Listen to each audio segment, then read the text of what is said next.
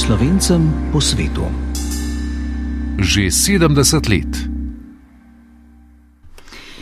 Ja, oddaja slovencem po svetu praznuje visoki jubilej. Prva izvedba je bila že leta 1952, izseljevanje slovencev na tuje pa se je seveda začelo že veliko prej. Kako je potekalo, kdaj in seveda kam, nam bo zdaj na kratko razložila doktorica Marina Lukšič-Hacin, predstojnica Inštituta za slovensko izseljenstvo in migracije, ki je kot strokovnjakinja seveda pravi naslov za ta vprašanja. Pozdravljeni v studiu prvega. Pozdravljeni in čestitke ob visokem jubileju um, radija, ki je pomemben glas slovenskega jezika med slovenci po svetu iskrene čestitke, to je res čestitljiv jubilej in upam, da še na veliko let. Hvala lepa. Eh, pa če začneva na začetku, pri seljevanju Slovenci so se slovenskega ozemlja v preteklosti v treh valovih izseljevali, v treh večjih valovih seveda. Prvi se je končal s prvo svetovno vojno, potem drugi val je bil v obdobju med vojnama, tretji potem eh, je bilo izseljevanje po drugi svetovni vojni. Kaj so bili razlogi na kratko za ta izseljevanja uh, in kam so se v teh valovih slovenci najbolj izseljevali? Razlogi so bili pravzaprav zelo podobni razlogom, kot jih imajo danes tisti, ki se odločajo, da bojo hodili, da, da, da odidajo po svetu, od, od seveda razmisleka o nekih profesionalnih karjerah ali reševanja življenjskih stisk v nekih revš, revš, ne, izzivih revščine, ali nezadovoljstvu z načinom življenja, do seveda hujših um, situacij, ko politična, um, politične razmere ljudi prisilijo, da odidijo, naj si bo zaradi vojn, nasilja ali nekega nezaželjenega uh, stališča v trenutku, ko politika takšne um, nosilce izžene ali pa bežijo za svoje življenje, do pravzaprav drugih razlogov bolj simpatičnih, kot so ljubezen, razvoj osebne karijere, znotraj znanosti, že sama znanost je recimo mednarodna in na nek način ljudje, ki vstopamo v znanstvene kroge, smo mednarodno prepleteni, krožimo in tako naprej. Politika to podpira. Zdaj v Sloveniji, seveda, tako kot k nam prihaja veliko ljudi. V smislu delovnih rok je tudi delovnih rok največ odšlo eh, slovenskega etničnega prostora od druge polovice 19. stoletja do danes, tako kot ste naštela. V spominu teh dveh stoletij um, je kar nekaj zapuščine, dediščine, uh, veliko uh, bolj prisotna v slovenskem prostoru v zadnjem času, pa je usoda ljudi, ki so po drugi svetovni vojni odšli zaradi razmer druge svetovne vojne, radikalno reže naš spomin če tudi takrat ni odšlo številčno največ ljudi. Številčno gledano pa so zgodbe veliko bolj vezane z iskanjem, ne, s trebuhom za kruhom, e, tudi zgodba ljudi, potomcev v Ameriki. Seže najbolj nazaj v zgodovino, tudi v Argentini, Avstraliji, po Evropi, kamorkoli se obrnete iz istih razlogov v preteklosti in danes.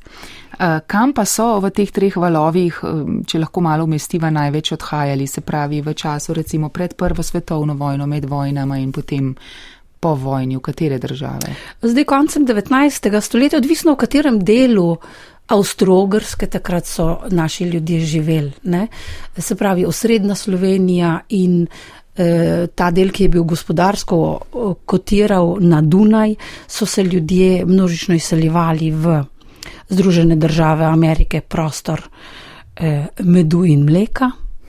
Eh, Medtem ko je ta mm, prostor primorski del, eh, pravzaprav veliko časa živel z ritmom mediteranskega prostora in najdemo že v tistem času, sploh pa po, drugi, po prvi svetovni vojni, ko se začne Mussolinijeva raznorodovalna politika in naši ljudje, ki so se znašli onkraj meja v, v Italiji in bili tarča uh, nezaželenih prebivalcev, ne, so se izseljevali v Argentino kot eh, pogosto eh, leve provenience.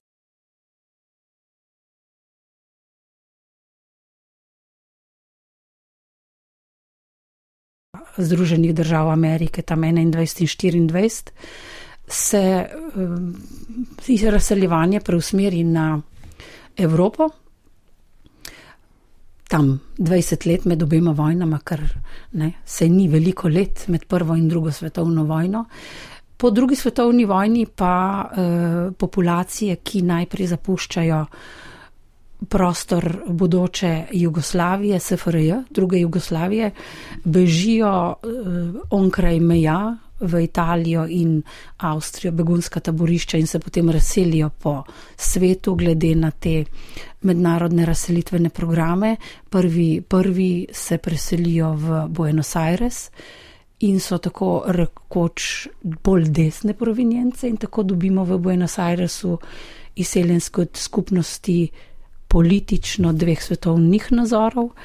Eh, se pa potem razselijo tudi v Ameriko, Avstralijo in po Evropi. Da, eh, potem pa sledi pomemben eh, gastarbeiterski val, kjer je največ slovencev odide v Nemčijo. Uh mhm. -huh. To je za časa Jugoslavije. Jugoslavija ima takrat bilateralo s številnimi evropskimi državami, ki zaščitijo naše ljudi v smislu delavstva, pokojnine, socialnega zavarovanja in tako naprej. In znotraj teh mehanizmov gre največ slovencev v Nemčijo, Avstrijo, pa potem tudi v druge države, kot so Francija, Švica, Švedska in ostale. In tako smo se počasi približali nekako zadnjemu desetletju oziroma današnjim. Današnjemu dnevu po osamosvojitvi Slovenije se izseljevanje seveda ni končalo, je pa vseeno, ima nekakšne drugačne značilnosti od teh prvih valov, treh, o katerih sva um, pravkar govorili. Ne vem, nekje sem prebrala, da se na leto izseli v zadnjem desetletju okrog 9000 državljanov. Ja, ja, bo držalo? Ja, tako nekako drži, ampak pri tem je treba uh, povdariti, da imamo tudi priselitveno dinamiko in znotraj te priselitvene dinamike uh, po sestavu bi rekli, je pol državljanov, pol pa prišlekov, tako kot pri od, odhodih. Vse vsemu, če potegnemo skupaj, pa imamo še vedno pozitivni migracijski saldo, se pravi, v Slovenijo pride več ljudi, kot jih odide. Če pa gledamo po posameznih kategorijah, naj si bo izobrazbenih, v določenih letih zasledimo, mi temu pravimo, negativni izobrazbeni migracijski saldo. Tam okoli leta 19, ko je bil ta zlovešči ZUJF, je uh, več izobraženih odšlo, kot uh mhm. -huh. se priselilo, ampak razlika je minimalna in danes že nekaj let uh, ponovno beležimo pozitivni migracijski saldo. Korona razmere so po svoje rezale v to statistično uh mhm. -huh. dinamiko, pa vendar jaz mislim, da uh, pravzaprav zadeve niso um, alarmantne. Um, z vidika, z vidika nekih osebnih zgodb, ki jih ljudje doživljamo, sploh če si želimo ostati in živeti v Sloveniji, pa stvar je alarmantna in zahteva razmislek neke, neko trezno politiko v odnosu do ljudi. Pa vendar ne v smislu, kako preprečiti odhajanja, ker smo moderna država 21. stoletja, ki se demokratizira tudi skozi vidik mobilnosti ljudi. In je prav, da podpiramo odhajanje ne samo znotraj turizma, ampak tudi nekih poslovnih uh -huh. eh, odločitev, da eh, se pa ljudje vračajo, moramo pa ustvariti pogoje vračanja. In tu je točka, kjer je Slovenija šipka. Se pravi, podpreti ne samo prihajanje, ampak tudi skreirati možnosti, da naši ljudje prihajajo nazaj. In da si tukaj uh, potem ustvarijo ne, priložnosti ali ustvarijo ali nadaljujejo. Uh mhm. -huh. Ker če ti eh, sredi karijere odideš v svet, veliko lažje odideš, če veš, da boš lahko prišel nazaj in imaš kam priti. Da te nekaj čaka tukaj. Da te nekaj torej. čaka, zdaj obstajajo, mogoče se bojo neke nove oblike mobilnosti pojavile, neke nove paradigme, se spremenil eh, zakon o, o priseljevanju. Zdaj eh, vemo, vemo, mi, ki raziskujemo migracijsko eh, dinamiko, da je velik problem, če si izbriseš stalno bivanje. Pravzaprav imeti stalno bivanje v Sloveniji je veliko bolj pomembno, kot imeti državljanstvo. Z vidika vračanja. Z vidika vračanja. Eh, če se vrnemo samo še na začetek najnega pogovora, eh, ob začetku ste čestitali našemu radiju in odaji slovencem po svetu ob 70-letnici. Eh, kaj z vidika izseljevanja slovencev, rojakov na tujem pomeni pomenijo slovenski mediji in pomeni v bistvu Radio Slovenija in odaje, kot je slovencem po svetu. Kaj to njim pomeni predstavlja? Pomen medija med ljudmi v diaspori se kaže že skozi to, da neprestano diaspore, ne samo slovenska, vse skrbijo ne samo za komunikacijo v, v fizični obliki ali preko preko uh, časopisov v preteklosti, ampak so neprestano uh, težile populacije tudi k radijskim oddajam. Radijske oddaje ohranjajo živ jezik. In to, kar zagotavlja uh, slovenski vaš program, je, da skrbi za stik z živim jezikom, ker jezik, jezik ni statična tvorba, ampak se skozi čas spreminja.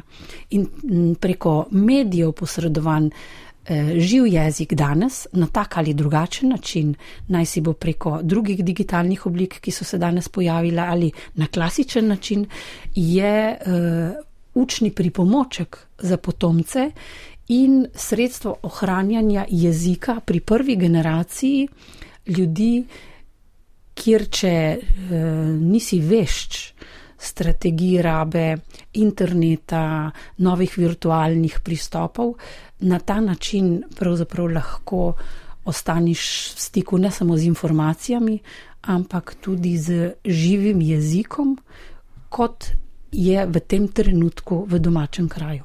Če povzamem, je torej um, radio in radijske oddaje so pomembne tudi za učenje in ohranjanje slovenščine ne, v tujini. Absolutno, absolutno. In mislim, da tudi v času, ko se pojavljajo virtualne skupnosti, interneti, je pravzaprav kontakt profesionalnih skrbnikov za jezik, kar novinari ste, izrednega pomena in upam, da politika tega ne bo pozabila.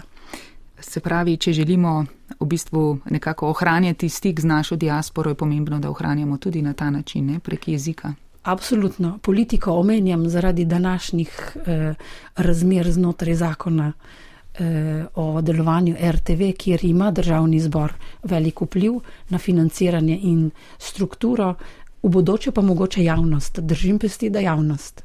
Dobro, doktorica Marina Lukšič-Hacin, najlepša hvala za obisk v studiu in za vse te informacije, ta kratek pregled zgodovine izseljevanja in se seveda tudi v naših odajah še kdaj slišimo in pogovorimo. Najlepše hvala za povabilo in vse dobro.